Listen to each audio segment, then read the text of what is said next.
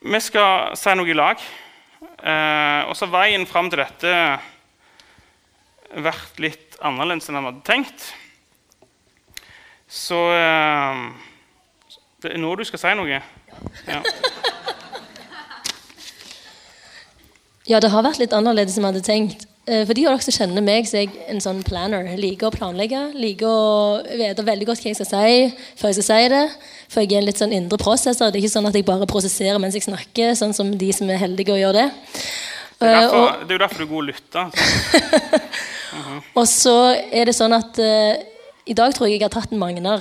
Fordi vanligvis så syns jeg at han alltid er så ute i sein tid og irriterer meg over at han ikke har planlagt og ikke holdt på med talen lenge nok.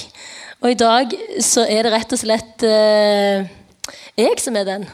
Og det var veldig interessant, for jeg søkte Gud hele uka og så spurte liksom hva skal jeg si. Og så eh, fikk jeg ingenting. Og så kom jeg da i dag, og så har jeg fortsatt ikke fått noe i dag morges når jeg står opp. Tenker, Jeg kan ikke si noe som helst. Jeg, eh, altså, mener, jeg må jo ha skrevet dette ned langt i forveien før jeg skal si noe. Og, men allikevel så kjente jeg på en veldig fred. Og så, mens jeg står på kjøkkenet og lager mat til vi har vertskap i dag, så føler jeg Gud sier 'Kristina, hører du min stemme?' Og så sier jeg 'Ja, jeg hører din stemme'. Tror du at eh, jeg kan snakke til deg? Ja, ja, jeg tror du kan snakke til meg. Ja, tror du at jeg kan si noe som du skal si i dag? Og så ble jeg litt sånn Jo, du kan jo det. For må jo liksom eh, ja, tenke at Gud kan jo si det akkurat nå. Men jeg kjente jo inni meg at ja, ok, hva er det du vil jeg skal si da?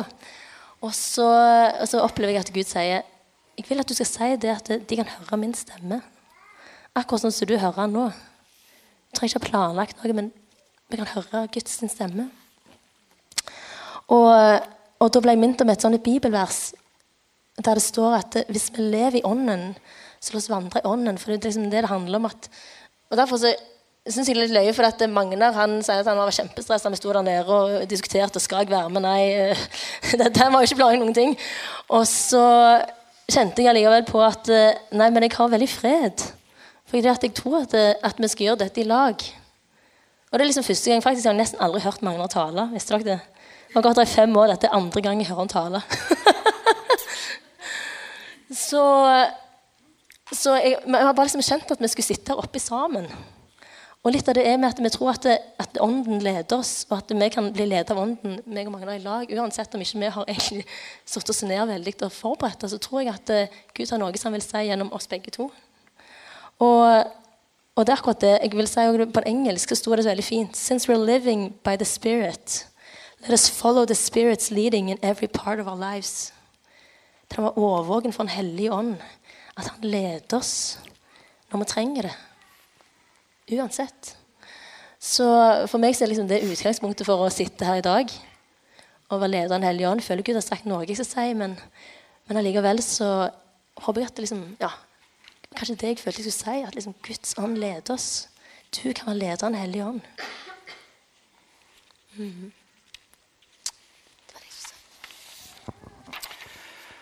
si. Yes. Um, skal vi ta fram den?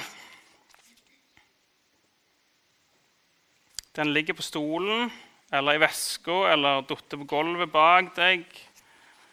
Sånn. Eh, håper ikke vi skal snakke så lenge at dere begynner å svette og um, Ta med dere den hjem. Og den, når jeg leser den, så sier jeg at det er godt å lese den. Og så utfordrer jeg av å lese den. Ehm, det som kjapt står her, det er at vi, vi ser at det, det er mange folk som kommer vår vei i gudstjenesten for tida. Eh, snakker med folk som vil inn i huskirkene. Ehm, det er mye unger. Det kommer en del ungdommer, og skjer ting. Det var en fantastisk genviken. Ehm, det er en sånn glede å, være en del av ei lokal kirke. Så sier denne her noe om at det er to sider. Du, hvis du blir, så tror du aldri finner ut hvilken side du skal begynne på. Eh, men de sidene står 'gi der du får'. Um, så kort forklart så har Bedekirka utgifter for drift eh, for å kunne gjøre dette. Og så kan vi gå i en sånn diskusjon om er det en bibelsk måte å gjøre det på. Er det sånn det skal være? Eh, jeg tror at eh, det tilhører noe lokalt, tilhører en åndelig familie, det er godt. Og jeg tror at uh, her er det et lederskap som ber, som har omsorg, som utfører en form for åndelig tilsyn for å våke over flokken. Um, Bibelen sier noe om det, om å tilhøre et sånt sted. Og så ser vi at de, sånn som er organisert, så trengs det penger for å drive det. Um, så Derfor oppfordrer vi til å bli med som fast giver. FGS Jeg lurte faktisk sikkert halvannet år på hva FGS står for. Fast giver. Så FGT trodde jeg det skulle være. Men det er jo fast givertjeneste med skattefrie avdrag. Er det ikke det? Ja. Så det er FGS. Um, ehm, registrer deg. Bli med. Bli med og luft. Um, det hjelper på budsjett og økonomistyring. Det hjelper å, oss med bedekirken må tenke hvordan skal vi gå fram. Hvordan skal vi planlegge? Hvordan skal vi nå byen med evangeliet? Bli med, og, bli med som fastgiver. Og se, Hvis du snur den, så er det Jesus som er vårt forbilde på raushet. står det noe om å praktisere tiende. Um, gi regelmessig. Denne hjerteholdningen om at vi blitt gitt alt av Jesus. Han som, uh, han som ga sitt liv for oss som en løsepenge for at vi skulle bli frelst. Han sier at hvis vi gir, så skal vi få. Han sier at 'prøv meg på å gi, så skal jeg åpne himmelens lys, skal jeg velsigne'. Så sier han noe om at uh, tiende og andre ting, sånne ting, det skal du huske på. Og, men det er en del ting som er viktigere enn det. Det er viktigere å være barmhjertig. Det er viktigere å bry seg om sin neste. Men Jesus sier, 'Gjør det viktige, ikke glem det andre'. Og så er Det siste punktet er vi løfter sammen. Så hvis du er her som har vært giver lenge, ta den sammen med Gud. Er det, ja, kan jeg løfte mer? Kan vi, vi gi mer? Kan vi øke? Um, hvis du ikke er inne i en sånn FGS-ordning, spør Gud skal jeg være med på dette. Skal jeg være med å gi inn til denne lokalkirka? Også her stopper brosjyren. Og da møter jeg meg sjøl som pastor, som lønnstaker, eh, i en sånn dilemma. Kan jeg ta fram Bibelen? Kan jeg ta en og en for meg av dere og si Gir du, eller gir du ikke? Kan jeg komme med Bibelen og si Bibelen sier du må gi? Hvis du skal tilhøre her, så må du gi. Hvis du skal gå i huskirke her, så må du gi. Hvis du skal få komme med gudstjenesten, så må du gi. Er det holdningen Bibelen lærer oss?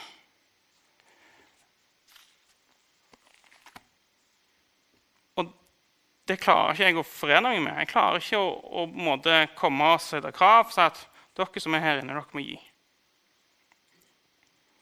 Um, jeg tror Gud inviterer oss til å gi. Så skjønner vi alle at det, hvis alle slutter å gi, ja, da må vi gjøre noe annet. Da må vi organisere oss på en annen måte. Da, da kan ikke vi samles her sånn som dette på søndagene. Så blir vi luft i lag. Men det som er kjempeviktig for meg å si, er at ta med den brosjyren hjem. Ikke reager på den brosjyren ut av tvang. Mens Guds ånd driver deg, så går du inn og skanner den og blir fast giver. Hvis Guds ånd driver deg, så blir du med i FGS. Hvis Guds ånd driver deg, så høyner du. Så tror jeg det er vanvittig mye godt med det å gi. Jeg lærte å gi fast når jeg traff Kristina. Um, så jeg tenkte vi kunne snakke litt om hvordan det er med økonomi. Er det greit? Kan ikke du fortelle litt hvordan du har vokst opp? Ja, hjemme hos oss så vi hadde, jeg noen foreldre som var veldig engasjert i det å gi. Og det var sånn at Hvis jeg fikk ti kroner i uh, ukelønn, det fikk jeg hver uke, så måtte jeg gi én krone vekk til noe. For at jeg skulle liksom lære meg å praktisere denne tienden. Så det liksom kom liksom bare inn med, med, med, en gang jeg begynte å få penger, så var det liksom en, en, sånn tanke om at ja, men da er det viktig at man gir vekk. Og så kan det godt være at det, det var veldig bonden i, i, tvang, kan man jo tenke. Sant, at, at man var tvungen. Det som jeg tror er at det fine med det, er jo at på den måten så kommer det veldig naturlig å gi. Det, liksom, det ble ikke sånn at eh, ja, jeg tror vi alle kan kjenne på at ja, det er ikke alltid pengene altså Hvis vi teller på budsjettet vårt, og spesielt i disse dager med jeg, utfordringer i regnskapet eh, og med dyre priser, så kan man tenke at oi, men det går ikke opp. Men jeg tror det at liksom når man har eh, Sånn som da når jeg på en måte var vant med at man liksom, nei, men man gir jo alltid vekk 10% eller man gir jo alltid vekk noe. Og man er med og, og løfter, som mange sier, i lag. Så, så var det veldig naturlig. Og Derfor så kommer det liksom òg naturlig nå. Eller ja, det har jo alltid gjort det. Og selv når vi har For det er òg en ting Jeg hørte en tale nettopp om, som snakket om det her med at av og til tenker vi kanskje at vi gir for å få noe igjen. For det står jo veldig mye løfter om å gi og få noe igjen. Og så ehm, Og så var denne talen litt sånn Ja, men kanskje ikke du får igjen akkurat sånn som du har tenkt. Og at er det egentlig sånn at vi skal tenke Gud som en sånn en eh, slåttmaskin der vi bare putter på noe, så skal du alltid få noe igjen, ut igjen? Eller er det sånn at, eh, at nei, vi gjør det fordi at eh, Gud har spurt, bedt oss om å gjøre det? Og akkurat Derfor var liksom jeg innleda litt med det med å høre Guds stemme. og når mange også sier det, at man må ta liksom, og det var det liksom Gud, eh, Jeg hadde foreldre som var veldig sånn opptatt av det vi skulle, skulle, høre hva Gud sa. Og på en måte, ja, liksom, Kristina, vi må liksom høre om, om Gud sier at du skal være med og gi til noe. sant? Det der med å lytte til denne stemmen som Gud sier at ok, nei, men det skal du være med støtte, eller så mye skal du gi. Og så er det ikke nødvendigvis for å få kanskje noe igjen, men allikevel så er det et prinsipp i Guds rike. Så jeg vil jo si at det nesten alltid har jeg opplevd at Gud forsørger.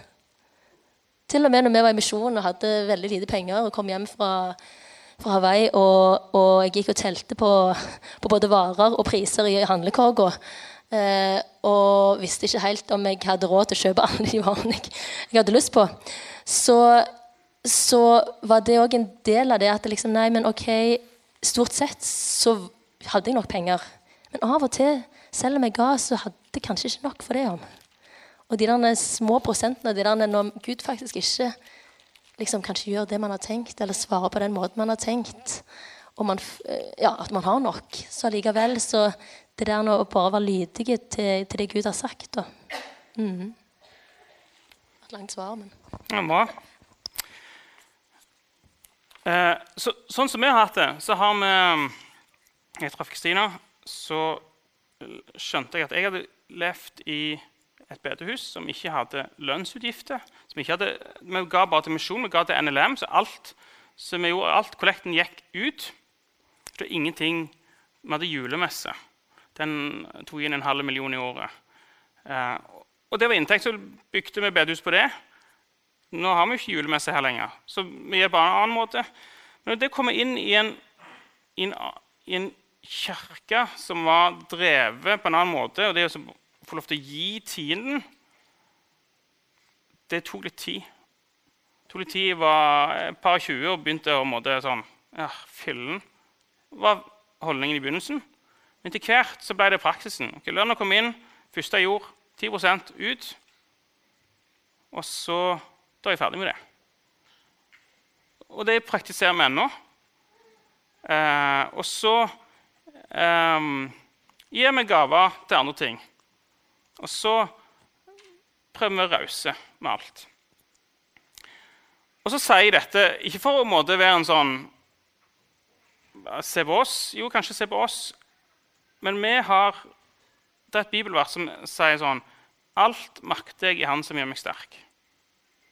Og Det er Paul som sier det at det, om man er fattig eller rik Alt makter jeg i Han som gjør meg sterk. Han snakker om penger i det bibelverset. Vi bruker det bibelverset i alle mulige andre setninger. Men det er penger Paulus snakker om.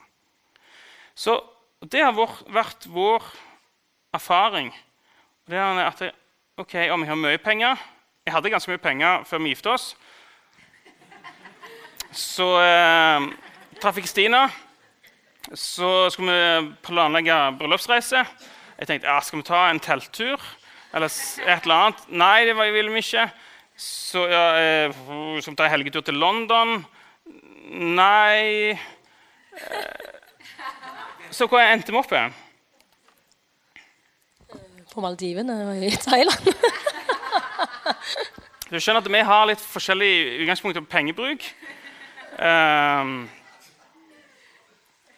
men, men tingen er det at noen ganger har vi hatt mye penger. Og så har vi vært i UiO der vi har levd av gaver. Og det var ganske sprøtt. Vi bestemte oss, Gud kalte oss til misjon. Og så var jeg på ok, Jeg hadde egentlig ganske god jobb. Og så sier jeg opp jobben, 100 jobb, og måtte vite at okay, fra august av så har jeg ikke inntekt. Så var jeg på en spillejobb i Haugesund. På båten så treffer jeg en gammel kamerat. Så Jeg har ikke peiling på hvordan han hørte om dette. Men jeg hører du skal til Hawaii. Eh, hvordan vet du det? Nei, Han visste, han bare hørte av noen. Og så sa han det vil jeg være med å støtte. Så jeg gir dere 1000 kroner i måneden. Det var en sånn enorm opplevelse av ok, Gud, du forsørger når du snakker om økonomi. Så levde vi tre år uten inntekt og opplevde at vi mangla ingenting. At om vi hadde mye eller om vi hadde lite, alt makter jeg i Han som gjør meg sterk. Og så har jeg da vært i en, i en dal nå sånn Ja, denne høsten. Vi har nyheter å dele, har vi ikke det? Vi skal ut og reise. Skal du si det? Skal jeg si det? Ja, du kan si det. Ja. Nei, vi, jeg føler Gud har ledet oss til å dra tre måneder til Hawaii igjen. Det er sånn, blir nesten sånn flaut for klisjé. For det blir liksom, å ja, å ja, selvfølgelig har dere lyst til å reise til Hawaii. Hvem har ikke lyst til det?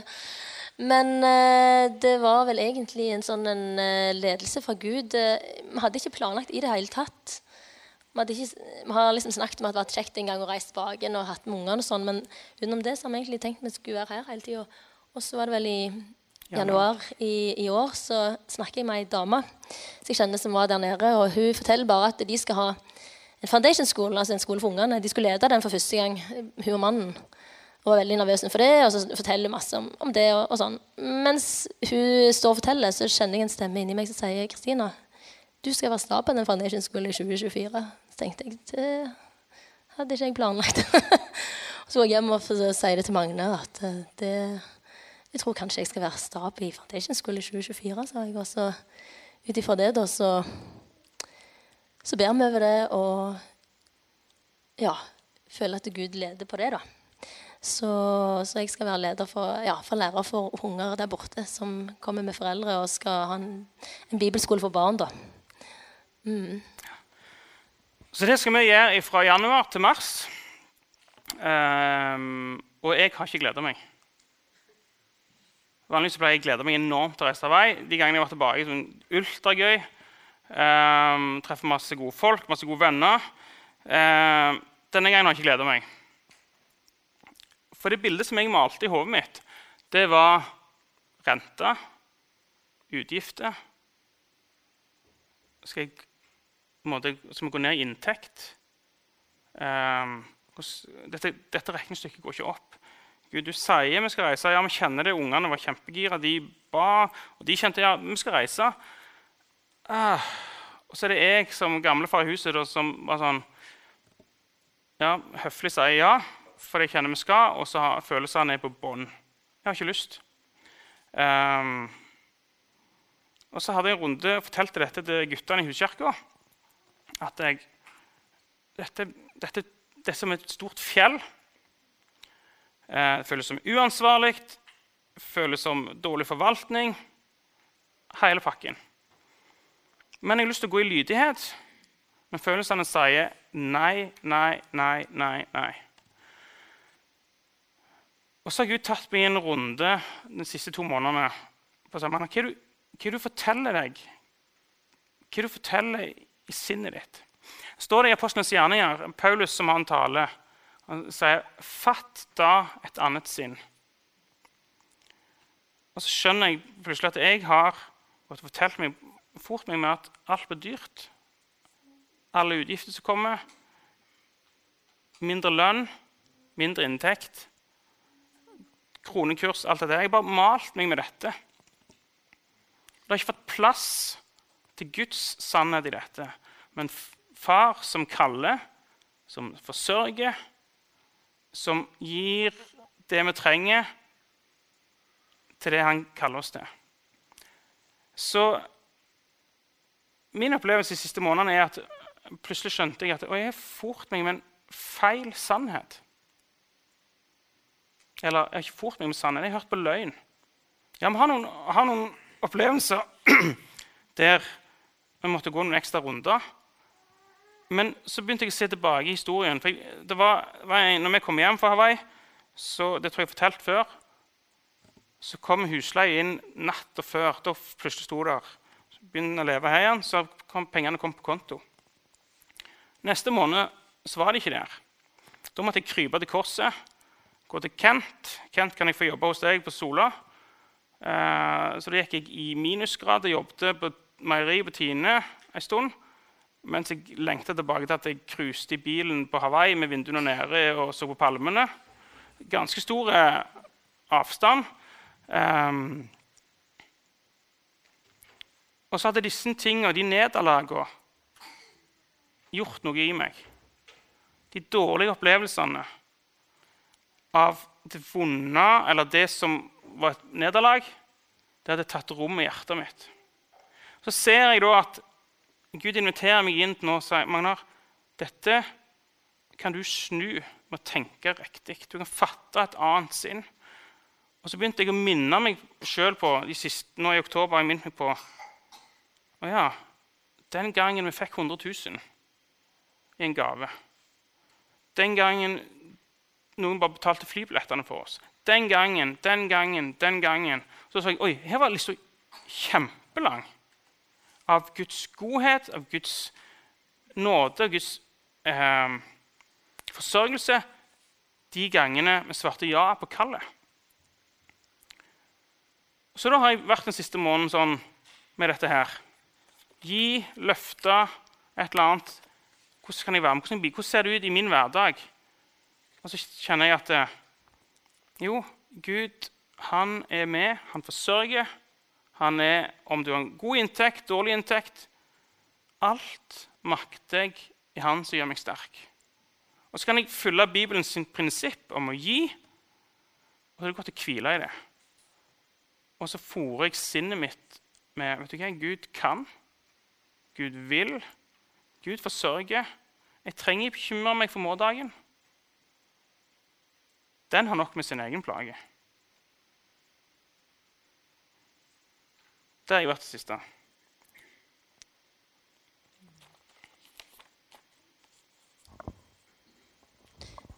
det er liksom, Nå snakker vi økonomi, så snakker man jo og kanskje om liksom, sånn, man må leve annerledes. og Vi har fokus kanskje sånn i kristenheten med liksom, at det er viktig at man lever annerledes sant? og gjør litt sånne crazy ting. og sånn. At akkurat som, Man hyller jo det litt, kanskje. Og så i det siste så har jeg tenkt det at um, Og jeg tror nok at alle kan kjenne litt på liksom sånn Ja, nei, men ja, du liksom driver på, så uh, søker Gud i dette, så trenger ikke jeg, jeg måtte gjøre det nødvendigvis. sant? At man um, at man syns kanskje at, eh, at, folk som lever litt annerledes, er litt rare. Eller ja, at liksom, er, det, er det for alle å gjøre annerledes ting hele tida? Og så minte Gud meg på at akkurat som at når vi snakker om annerledes, så nesten som at det blir mål i seg sjøl. At vi som kristne skal være annerledes. Sant? Vi må, så sier vi liksom, ja, vi må annerledes. Vi skal ikke være lik verden. Sant? Sånn som mange også sier at vi skal ha et annet sinn. Og så er det, så er det jo helt riktig. Men så har jeg tenkt at um, jeg tror kanskje vi begynner i feil ende. Fordi at jeg tror at uh, i apostelgjerningene så tror jeg ikke det var mål i seg sjøl å leve annerledes. Jeg tror ikke det er det de liksom, Nå skal vi prøve å være så veldig annerledes enn alle de andre. Men målet deres var å søke sannheten. Søke Gud. Og når de søkte sannheten, og sannheten det er jo Jesus sier at jeg er, veien, sannheten og livet At når de søkte Jesus, så resulterte kanskje det i at de levde annerledes, fordi at han fikk prege dem på en ny måte. Og da ble det kanskje en selvfølge det å altså, Vi kan jo bli utfordret. Vi har jo hatt om apostelgjerningene så lenge nå eh, på disse søndagene at det, altså, de solgte alt. De, de, delte med hverandre. De gjorde liksom sånne helt annerledes ting. Tenker vi sånn ja, vi, vi, lever jo i Norge, vi, vi driver ikke på med så mange annerledes ting. Men så tror jeg ikke de tenkte at de skulle bare leve annerledes. Jeg tror de tenkte at mm, jeg skal søke sannheten. Og sannheten gjorde jo at eh, det satte de jo fri. I fri fra den der tanken om at, eh, at ja, nei, strekker det egentlig til? Kommer det egentlig til å gå bra? Nei, det var egentlig, nei, men vi vet jo at Gud er vår forsørger. Gud er den som helbreder. Gud er den som beskytter. Gud er den som holder oss. Gud er den som bærer oss uansett. Alle de sannhetene som Bibelen er proppfull av, det var det de forte seg med. Og i, i, en respons til det så tror jeg at de levde annerledes. Fordi at de bare Oi, ja, men det, da trenger jeg jo ikke frykte for, for noe. Fordi at, eh, for Gud har jo vist hvem han er. Han er jo, å, han er jo sånn. Ja, men da kan jeg jo gå med frimodighet på de tingene som Gud sier. Og og så er det jo det her med Så tror jeg at det som hindrer oss, er jo ofte denne redselen for om Gud show, show opp, liksom. Kommer han til å, å, være der? Hvis jeg trør litt ut forbi og gjør noe litt annerledes, kommer han til å være der? Og da, For meg så har det blitt en sånn styrke det der med Shadrach Mesak Abednego som står framfor eh, Nebukadneser, og så holder han på og skal hive dem i ildovnen fordi de ikke vil tilby gullstøtter. Og så sier de at uh, vi tror på en Gud som kan utfri oss fra denne flammen. Men hvis han ikke gjør det, så vil vi fortsatt ikke høre på deg. Vi vil fortsatt ikke gjøre det du sier. Og det tenker jeg er en sånn ting at vi kan leve etter det òg, vi òg, i dag, i 2023. At eh, ja, vi vet at Gud er vår forsørger. Hvis Gud har bedt deg om å gi noe, f.eks., eller bedt deg om å gå til en nabo som du ikke hadde lyst til, og så kan vi tenke at ja, vi vet at han vil være med og beskytte oss. Men skulle det være sånn at vi ikke opplever akkurat det målet, eller akkurat får det akkurat sånn som vi vil, så vil vi fortsatt gjøre det likevel. Fordi at vi stoler på en Gud som er Gud uansett. Mm. Og, og, da vil jeg fortelle en historie i forhold til det å, å trå litt ut i og liksom litt speile meg og Magnar. Jeg hadde fått det for meg at jeg skulle gå til en nabo. Um, Gud hadde lagt en nabo på hjertet mitt, og så hadde Gud vært veldig tydelig med meg og sagt at det, Tenk hvis du er den eneste kristne de treffer på. Um, tenk hvis du kommer til himmelen og de sier 'Hvorfor sa du aldri noe? Hvorfor gjorde du aldri noe? Du bodde jo rett ved siden av oss.' Og så ble jeg veldig sånn åh, ja, stemmer. Og så følte jeg at Gud sa at du skal gå og si hei til dem, og du skal, du skal spørre meg i kirka. Jeg snakker vanligvis aldri med disse naboene, altså. Eh, og så tenkte jeg ok, ja, og så fikk jeg jo huskjerkedamene til delte det med de, og de var med og skulle ba, og liksom, og liksom kjente at jeg fikk skikkelig courage. Og så var det en lørdag kjente jeg nei, det skal jeg gjøre. Og hva tror du skjer hjemme på kjøkkenet hos meg og Magnar? Vi, vi lager alltid pizza og koser oss på lørdagskvelden. Og jeg var veldig sånn, Nå hadde jeg girt meg opp. kjente Jeg jeg var så klar for at jeg skulle gå. og liksom skikkelig sånn, Dette kommer til å bli bra. Og rett før jeg går, så bare ja, eksploderer det mellom meg og Magna. Vi får den diskusjonen og begynner å krangle. og var, Jeg husker ikke engang hva vi krangler om nå. Men det var, i fall, det var skikkelig dårlig stemning, og alt var skikkelig elendig. Og jeg tenkte bare Jeg kan jo ikke gå bort til naboen. Hallo, se, her, dette, her står du ikke se hjemme hos oss. Jeg kan ikke gå til naboen og si noe som helst.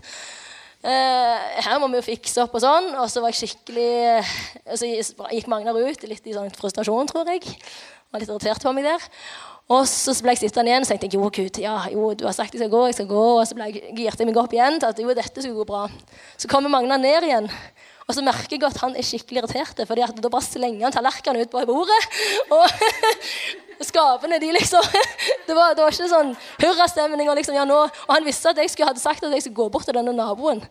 Så det var ikke sånn at, så jeg tenkte liksom at ja, nå kommer han til å være så positiv og tenke at ja, nå sender vi deg til naboen, og dette kommer til å gå så bra. Men det var det altså ikke. Og så eh, går jeg ut, og så ringer jeg eh, Katrine. Jeg bare, hva skal jeg gjøre? Må jeg, må jeg ha gjort opp med Magna så jeg får jeg kan gå til naboen? Nei, sier hun. Hvis det, ikke, hvis det ikke har noe med saken å gjøre, så kan du bare gå. Ja, så tenkte jeg OK, jeg skal, jeg skal gå. Og så gikk jeg bort til naboen. Står lenge ut forbi døra og tenker uff, hva jeg gjør ut forbi den døra her? ringer jeg på, og så, og så, hadde jeg sett for meg at jeg skulle snakke med, med, med han, han, mannen i huset. da. Så kommer det ut noen unger og sier hei, er noen foreldrene dine hjemme. liksom. Ja, Så begynner de å rope på mor, og så tenker jeg nei, det var ikke hun jeg skulle snakke med. Uh, men så kommer av en eller annen grunn så kommer faren ut, da. Og så, og så kjente jeg bare OK. Så sier jeg bare det at ja, du Hei, jeg er jo naboen din. og, uh, og så, sier jeg at du, jeg føler at, jeg, at, Gud har sagt at jeg skal gå bort til deg og, og si noe til deg. Og så sier jeg at ja, så skjønner du sikkert at, at jeg er en kristen og sånn, fordi at uh, ja, jo, jo, jo. Altså, først så jeg jo helt sjokkert ut. Jeg tenkte uff a meg, hva jeg har gjort. Og så, eh, og så, så sier jeg det at ja, jeg følte at jeg skulle gå bort og, og spørre om dere har lyst til å være med på møte, eller spørre ungene om de vil være med på søndagsskolen. Og så plutselig bare snur hele blikket hans. Sånn, å, å, fint, liksom. Ja, så fint. Eh, og så sier jeg at ja, for jeg har egentlig bedt for dere helt siden dere flyttet inn. Jeg har kjent at Gud har minnet på dere og bedt for dere. Så jeg bare at jeg skulle vite det var liksom, å, så, så kjekt, sa og så sa jeg at nei, vi går på gudstjeneste sånn og sånn. Uh, jeg har fortsatt ikke fått dem med meg. Men, men bare det Og så sa han ja, nei, jo, takk for at du kom innom. Vi skal tenke på det. Og så, og så, og så var det liksom det. Og så kjente jeg at oi, det var, ble en sånn seier i livet mitt. At liksom på tross av alle de følelsene jeg hadde Og, og, om, og jeg vet jo ikke om engang om at det jeg vet ikke om hva det har betydd, eller om det betydde noe. Det er det bare Gud som vet. Men bare det å liksom kunne være lydig da, når man opplever at Gud taler og, og, og, og bare, Da kan jeg bare si til meg selv ja, når jeg går på tross, selv om jeg ikke vet om Gud stiller opp, eller om jeg vet om det blir bra eller ikke, så, så går jeg for det om. Eh, og det Så det hadde jeg lyst til å dele. at Det der med å faktisk tenke at eh, vi må søke sannheten og Gud eh, hva han ønsker at vi skal gjøre, da, eh, da tror jeg det vil skape forandringer. For jeg tror det at hele Bibelen er full av folk som levde annerledes. Eller som hørte på sannheten, og så levde annerledes. Og det har jo prega oss som sitter her. Vi hadde jo ikke vært her foruten. Og jeg tror jo at hvis vi alle velger å søke sannheten, og det fører til at vi eventuelt lever annerledes, så vil det ha påvirkning uten vi kan tenke altså, det, vil, ja, det vil ha store innvirkninger. Enten du ser det der og da, eller, eller kanskje ikke får høre det før du kommer til himmelen.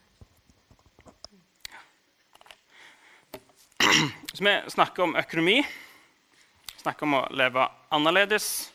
Andre prioriteringer enn det du lærer på BI. Um, Det er bare en sånn ting å kjenne litt på. Nå skjønner dere at vi har tatt noen valg i livet som har vært annerledes. Ikke for å være annerledes, men for når Gud sier noe, så sier vi ja til det. Rike folk som er annerledes, det tror jeg Gud er behag i. Det er lov til å ha penger, men ikke tilbe dem. Ikke ha din trygghet i dem. Og så er det lov til han som oss å være crazy og valgt noe annet. Og så skal de to leve litt i lag. Sånn er det her inne i Bedekirka. Så når, mm, Inger, du snakker om at når vi kom her Vi begynte her som pastor i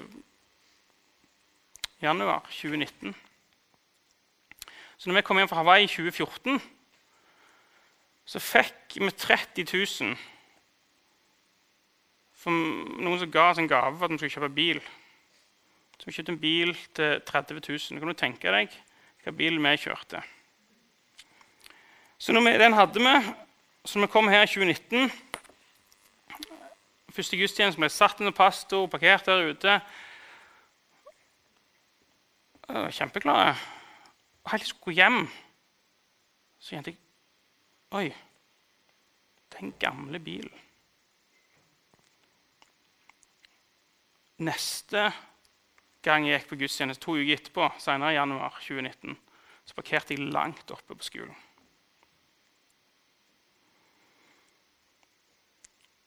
Da var det en kamp i hodet mitt. Da begynte jeg å ok, vi har vært i misjon, sammenligne oss.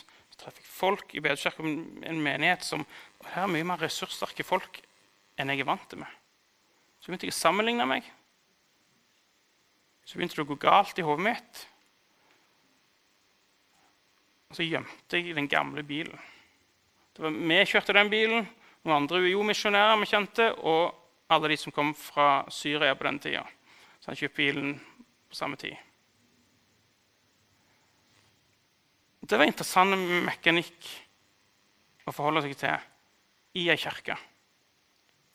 Så når vi snakker om økonomi, og du ser det i, i Nytestamentet, så er det av Paulus noen, noen eh, I Korinterbrevet snakker han om de som har mye, og de som har lite. At en menighet skal fungere sånn at har du lite, skal du, du lov til det. Så du lov til å sitte med nøtteartsbordet i lag med de som har mye, og motsatt. Så skal vi leve i lag og ha en enhet i lag. Og Jeg tror at for de som har mye, så er det en fare for å ha tryggheten der og være låst i det. Og for de som har lite, så er faren å gå i bekymringens vei og gå i sammenligningens vei. Og min drøm er at vi kan løfte sammen. Vi kan gi til fellesskapet. Så kan vi ta vare på hverandre. Og så kan vi leve i lag, i enhet på dette som har med økonomi å gjøre. Jeg tror jeg har sagt det jeg hadde lyst til å si. Jeg har en, en annen tale som jeg ikke har tatt. Uh, men det kan jeg gjøre en annen gang. Har du noe mer du skal si? Ja, kanskje en ting. Og det litt sånn det der makten i fellesskapet. Um, jeg tror jo at det, djevelen prøver ofte å få oss til også, og Det er det samme med økonomi òg, men òg liksom når vi snakker om det her med å være, stå sammen og ha en enhet. Så det der med at, vi, at han prøver å få oss til å tenke på individet, tenke på oss sjøl. At ja, jeg må passe på meg sjøl. Eller eh, vil jeg gjøre dette? Jeg Men så tror jeg at Gud har på en måte tenkt at vi skal leve i et fellesskap. Fordi at det er det som er styr, det der styrkene styrken er i fellesskapet og i, i, med hverandre. Så det der med enheten jeg tror det, Når Magna sier det, så tror jeg at det, at det der velsignelsen er det, Spesielt i vårt samfunn. Jeg tror at det reiser man til andre kulturer der eh, F.eks. på landsbygd i Afrika sånn, så har de mye mer sånn kollektivt tanke om at vi her tar vi vare på hverandre. Men at eh, vi er vant med at vi her tar vi vare på meg sjøl og mine. Men at det faktisk handler om å, å være et fellesskap å ta vare på. Og det er derfor også at det er kanskje en glede. Ikke det at man skal gi nødvendigvis bare fordi at eh, man skal gi, hvis du skjønner hva jeg mener, men kanskje det er velsignelsen i det å faktisk Ja, men når vi gjør noe sammen Vi som fellesskap kan gi for å gjøre noe i lag. For kanskje, sant? Altså, vi har jo de her de samler inn penger på gudstjenestene. Altså, hvis jeg hadde bare gitt alene til et sånt formål, så hadde det jo ikke gjort betydd den store forskjellen. Men det er bare det at vi gir i lag. Det er det forskjell i. Det er det fellesskapet. At vi må ja, ta tilbake det at, det at, at det er viktig med fellesskapet. Mm. Jeg vet ikke om du har fått noe ut av dette. Um, men Jesus utfordrer oss på å gi. Så har har fram lovsangstime. Uh, når jeg begynte å skjønne at jeg hadde litt sånn pastorspir i meg og litt uh, musikkspir i meg, så begynte vi å tenke hjemme på bedehuset på i ungdomsarbeid at når vi skal kollekt, hva sang skal vi ha da? Alt for Jesu fot jeg legger. Jeg vil gi deg alt. Den brukte vi ganske ofte. Eh, man dro fram den nå. Men, men, jeg vil gi deg alt. Jeg vil gi deg alt. Et eller annet refrenget. Og så kommer det Du skal råde, kjære frelser. Og det, det, var motivasjonen for å finne fram denne gangen, ikke den første setningen. Eh, men ja, du kan gi alt òg. Det, det, skal du få lov til. Men la Jesus råde over din økonomi, om det er mye eller om det er lite. La Jesus få råde på en sånn måte at det, hans stemmer, Han taler, så er ikke du låst og har en annen trygghet eller en annen bekymring. Da går du på det som han sier. Da gir du når han sier. Investerer du når han sier det? Deler du når han sier det? Forvalter du når han sier det? Så takk for oss. Skal du si noe mer? Jeg bare legger til, jeg sa til Magnar at uh, siden vi ikke hadde forberedt så kunne jeg si sånn, ja, vi, vi, står her in fame and shame. Så uansett hvordan det går, så er vi i hvert fall ett om det. Så ja. Mm. Jeg ber en bønn. Takk, Jesus, at du er nær oss. Takk at du har gitt oss penger, økonomi, og at vi kan forvalte det. Jeg har lyst til å be for oss, alle her inne i rommet, at, vi, at penger ikke skal være en avgud. Penger skal ikke være en sunn av bekymring. Så Jesus, vi ber bare at du nå skal hjelpe oss til at du, Jesus, skal få råde i økonomien, i, i våre private liv og i fellesskapet her i Bedskirka.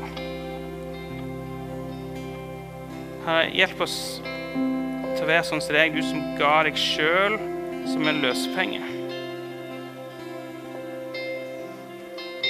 Og så må du eh, lede oss dag for dag.